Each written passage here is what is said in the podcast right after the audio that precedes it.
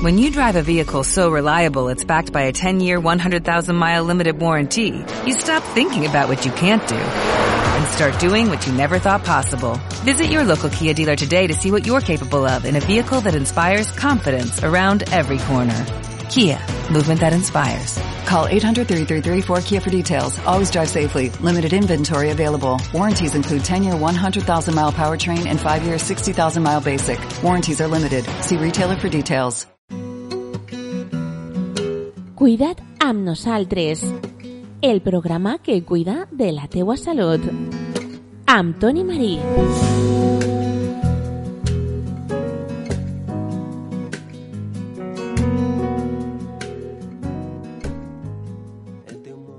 Hola a totes i a tots, estàs en el programa Cuida't amb nosaltres, un espai dedicat a la salut que pots sintonitzar a Ràdio La Veu d'Ondara en el 107.4 de la FM. Els nostres convidats d'avui són Adrián Tedesco, fisio, i Jonathan Camino, fisio i graduat en Ciències de l'Activitat Física i l'Esport. Amb ells parlarem sobre diatèrmia, què és això, i també sobre sedentarisme i com tornar a fer esport després d'estar durant un temps eh, de forma sedentària, sense haver fet exercici, com puga haver sigut el temps que vam estar confinats o durant esta pandèmia que estem més a casa i fem menys activitat física. Hem de dir que aquesta entrevista està sent gravada de forma telefònica com a mesura de prevenció pel coronavirus. Saludem a Adrián Tedesco i a Jonathan Camino. Adrián i Jonathan, bon dia. Moltes gràcies per atendre Ràdio La Veu d'Ondara. Hola, buenos días. Buenos días. És un plaer tindre-vos així al programa. Adrián ja va estar amb nosaltres fa unes setmanes per a parlar d'algunes qüestions relacionades amb la fisioteràpia. Avui parlarem d'una cosa en concret, parlarem de diatèrmia, que és això, i també parlarem, com he dit, sobre la tornada a l'esport després de sedentarisme. No? I jo, si vos sembla bé, aniré fent preguntes i cadascú de vosaltres, qui vulga, que la conteste, d'acord? Perfecto, vale. Val. Aleshores comencem primer per diatèrmia.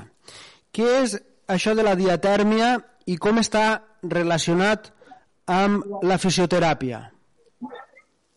Pues la diatermia es una terapia bastante novedosa en el mundo de la fisioterapia.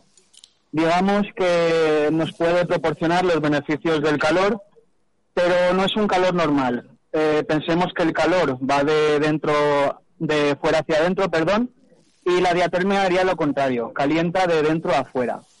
Ese tipo de, radiofrecuencia, porque va por radiofrecuencia, eh, la, la, podemos manejar eh, según nos convenga. Es decir, también podemos tener tratamientos térmicos y atérmicos.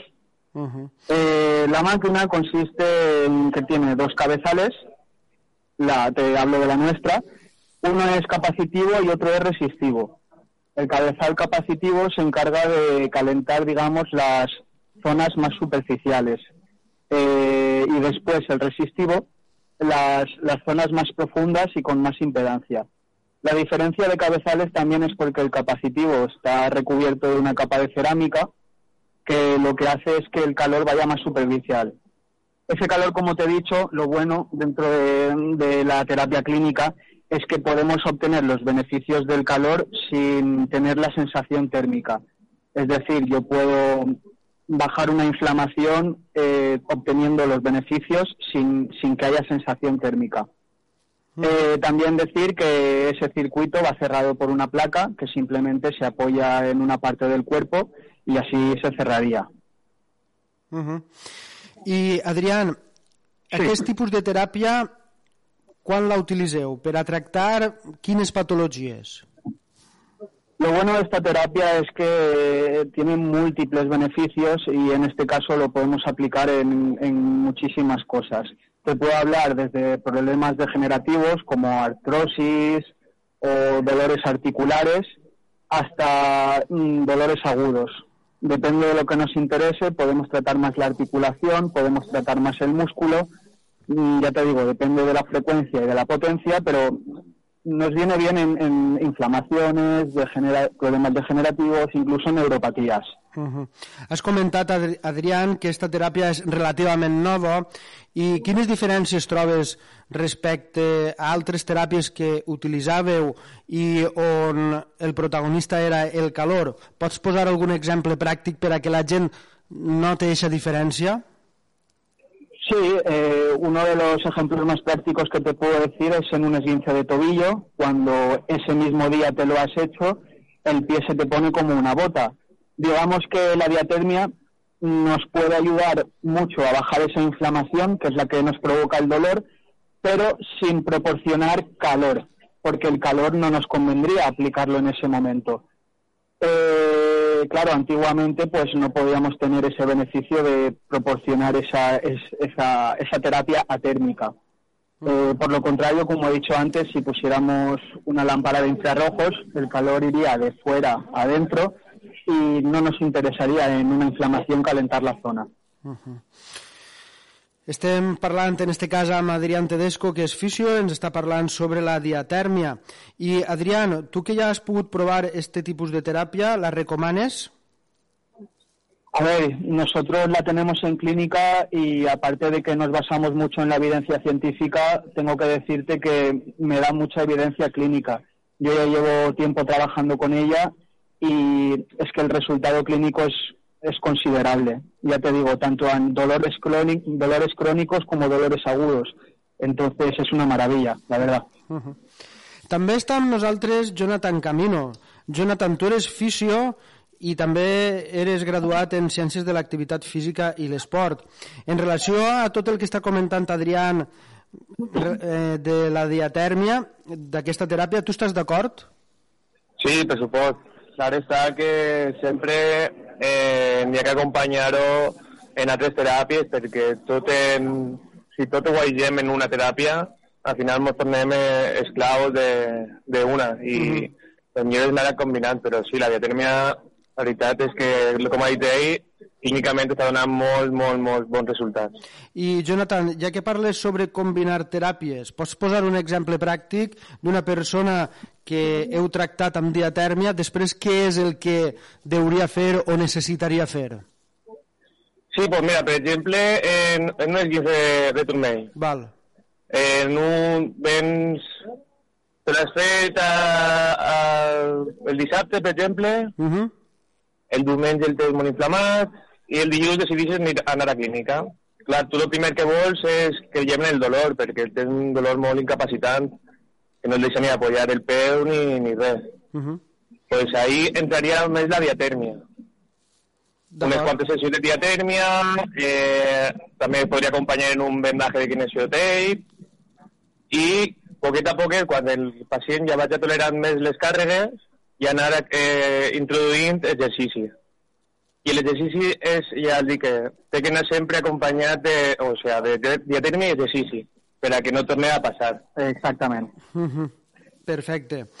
I, Jonathan, ja que parlem sobre fer exercici, i està tot molt relacionat, crec jo, hem patit un confinament molt estricte, hem patit fins ara tres onades de coronavirus, la pandèmia encara existeix, hi ha gent que diu que possiblement vinga una quarta onada, tot dependrà també del nostre comportament, i durant tot aquest temps, Jonathan, les persones en línies generals hem estat més parades físicament. Sí que és veritat que hi ha gent que ha continuat fent exercici des de casa, gent que des que permeten fer esport a l'aire lliure també eh, han iniciat aquest tipus d'esport, però imagine jo que a totes i a tots els qui fem esport ens ha afectat en certa manera tota aquesta situació.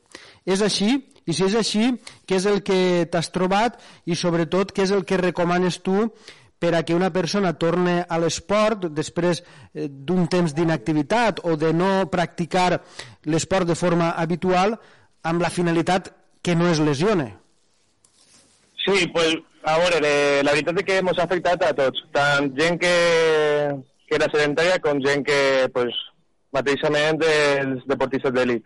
Tots ens han pegat un parol molt important i això el cos no és gens bo. Ja per, per així dir, la gent que és sedentària ja només anar al treball ja, ja feia mínimament alguna La gent que a part feia exercici ja més bloqueig encara. -huh. El problema ve quan tu de repent, sense, des, després d'un ja temps de descans, comences a fer el mateix que estaves fent. Ahí ves problemes, els articulars, els tendinosos, els musculars, perquè el cos n'hi ha, ha que fer una progressió adequada de l'exercici. Uh -huh. Si no fem aquesta progressió, el cos es col·lapsa i ahí venen les lesions. Uh -huh. I Jonathan, vosaltres com ajudeu a les persones? La gent que va a la vostra consulta, com les ajudeu per a que facin tot el que has comentat de forma progressiva? Sí, pues lo primer, lo primer y más importante es hacer un, una entrevista en el paciente, eh, eh, un buen raonament clínic, uh -huh. una bon, un bon diagnòstic i preguntar sobretot les preferències i els gusts que tenen. Perquè, com sabrà, segurament, antigament, els metges sempre es deia bueno, pues fes natació i, i aeròbic. Clar, això molt general. A millor a una persona no li agrada nadar, inclús ni sap. Ja la tècnica ja vindria pitjor, ja haurien lesions.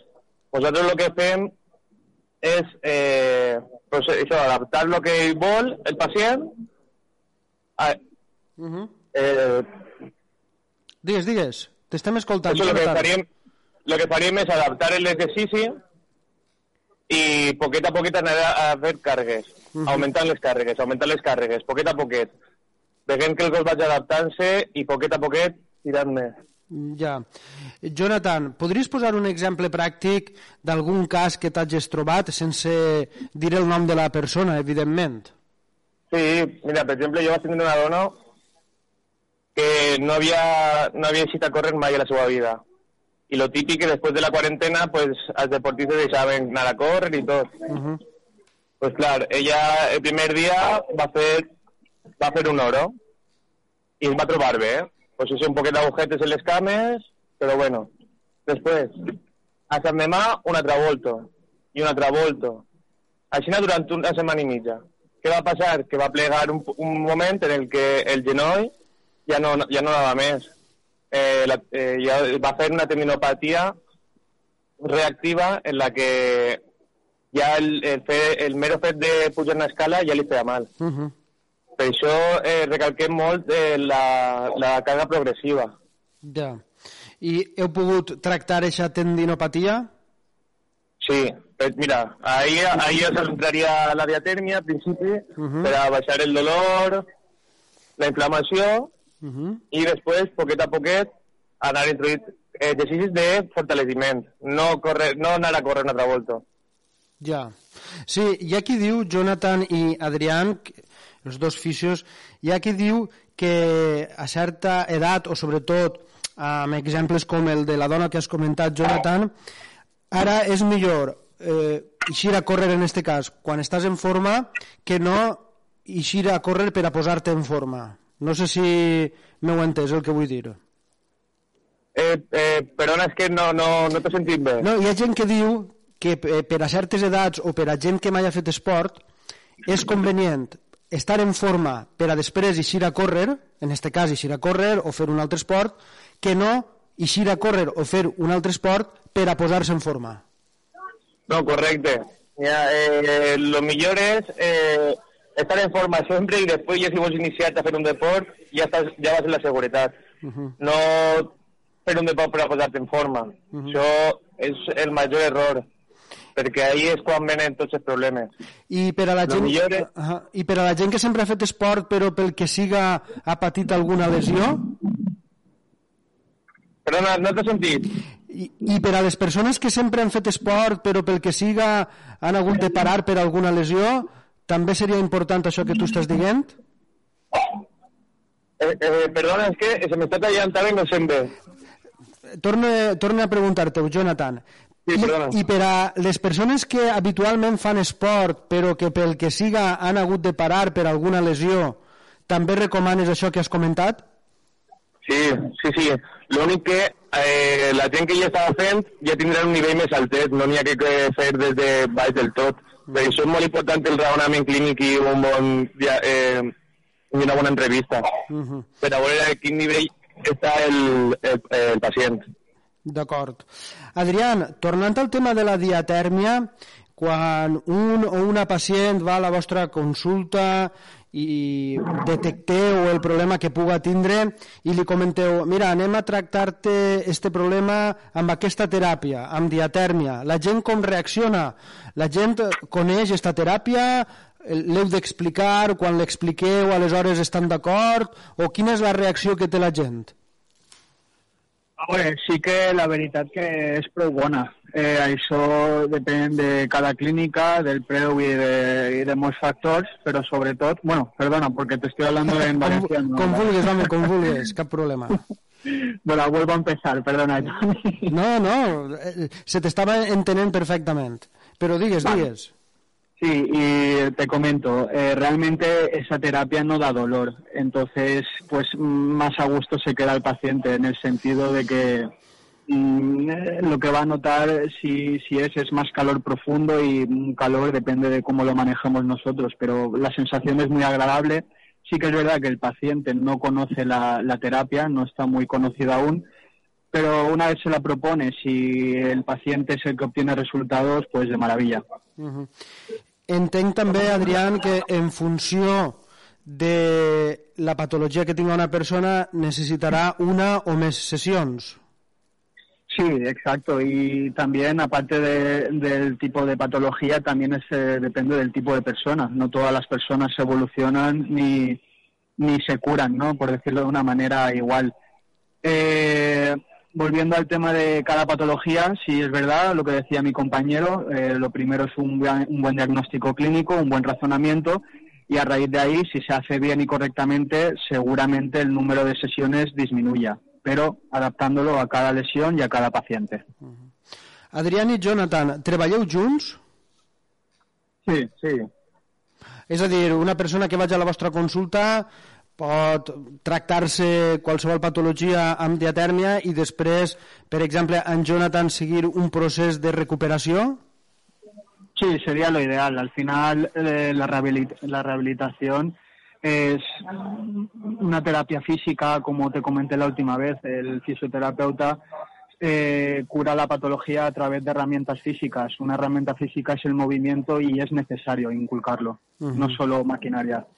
I Adrián i Jonathan, a on esteu físicament i també si disposeu de pàgina web o xarxes socials per a que la gent puga posar-se en contacte amb vosaltres? Sí, mira, te comento. Estamos en calle Márquez de Campo, número 18, segundo B. Y te damos la red social de Instagram, que es TEDCA, T-E-D-C-A, fisioterapia, todo seguido. TEDCA Fisioterapia. Perfecte. Imagine que ahí en Instagram estarà el vostre telèfon, correu electrònic o el que siga per a que la gent vos puga escriure o telefonar o el que siga. Y subimos publicaciones intentando ayudar siempre al paciente. Uh -huh. Ja per últim, Adrián i Jonathan. Adrián, pel que fa a la diatèrmia, eh, quines són les patologies més freqüents que estàs tractant amb diatèrmia? I, Jonathan, quins són els casos més freqüents que t'has trobat i t'estàs trobant des que va esclatar la pandèmia? Pues yo, mira, hablando de la diatermia, te podría decir que uno de, de las patologías estrella son las lumbalgias. Uh -huh. Eh, sobre todo ese tipo de dolores suelen ser crónicos, esa más a nivel articular. Otra patología que te podría decir también es el hombro. Es una articulación muy compleja, muchas veces o casi siempre, digamos, va acompañada de varios factores, no solo el dolor viene por un motivo. Y eh, también te podría decir zonas profundas, como zona del glúteo interna, piramidal, etcétera, porque ahí también pueden ocurrir atrapamientos nerviosos y el dolor aumentar. Esas mm. zonas son las que más suelo, o se suelen aplicar, mejor dicho. D'acord. I en el teu cas, I... Jonathan? Bueno, en el meu cas, jo el que més he vist a la clínica és patologies per sobrecàrrega. Tot eh, molt relacionat amb el que ja t'he dit antes. Eh, començar a córrer des de, des de zero, eh, moltes fascitis plantars, eh, inclús molt d'epicondilàgies, eh, que antigament es deia epicondilitis, eh, o co de tenit també està...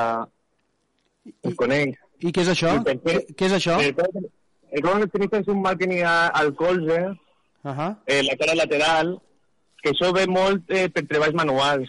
I, i molta gent m'ha referit dolor d'ahir perquè pues, s'ha posat a reformar la casa, a pintar, a, a cuinar massa també, i tot això és molt de treball manual, molt de treball manual, i si no estem acostumbrats, és, és igual el mateix mecanisme que el de començar a córrer, el de, el de comprar-te un casat nou i, i anar degenerant el tendó. Uh -huh. Molt bé. Adrián Tedesco i Jonathan Camino, moltíssimes gràcies per haver-nos atès.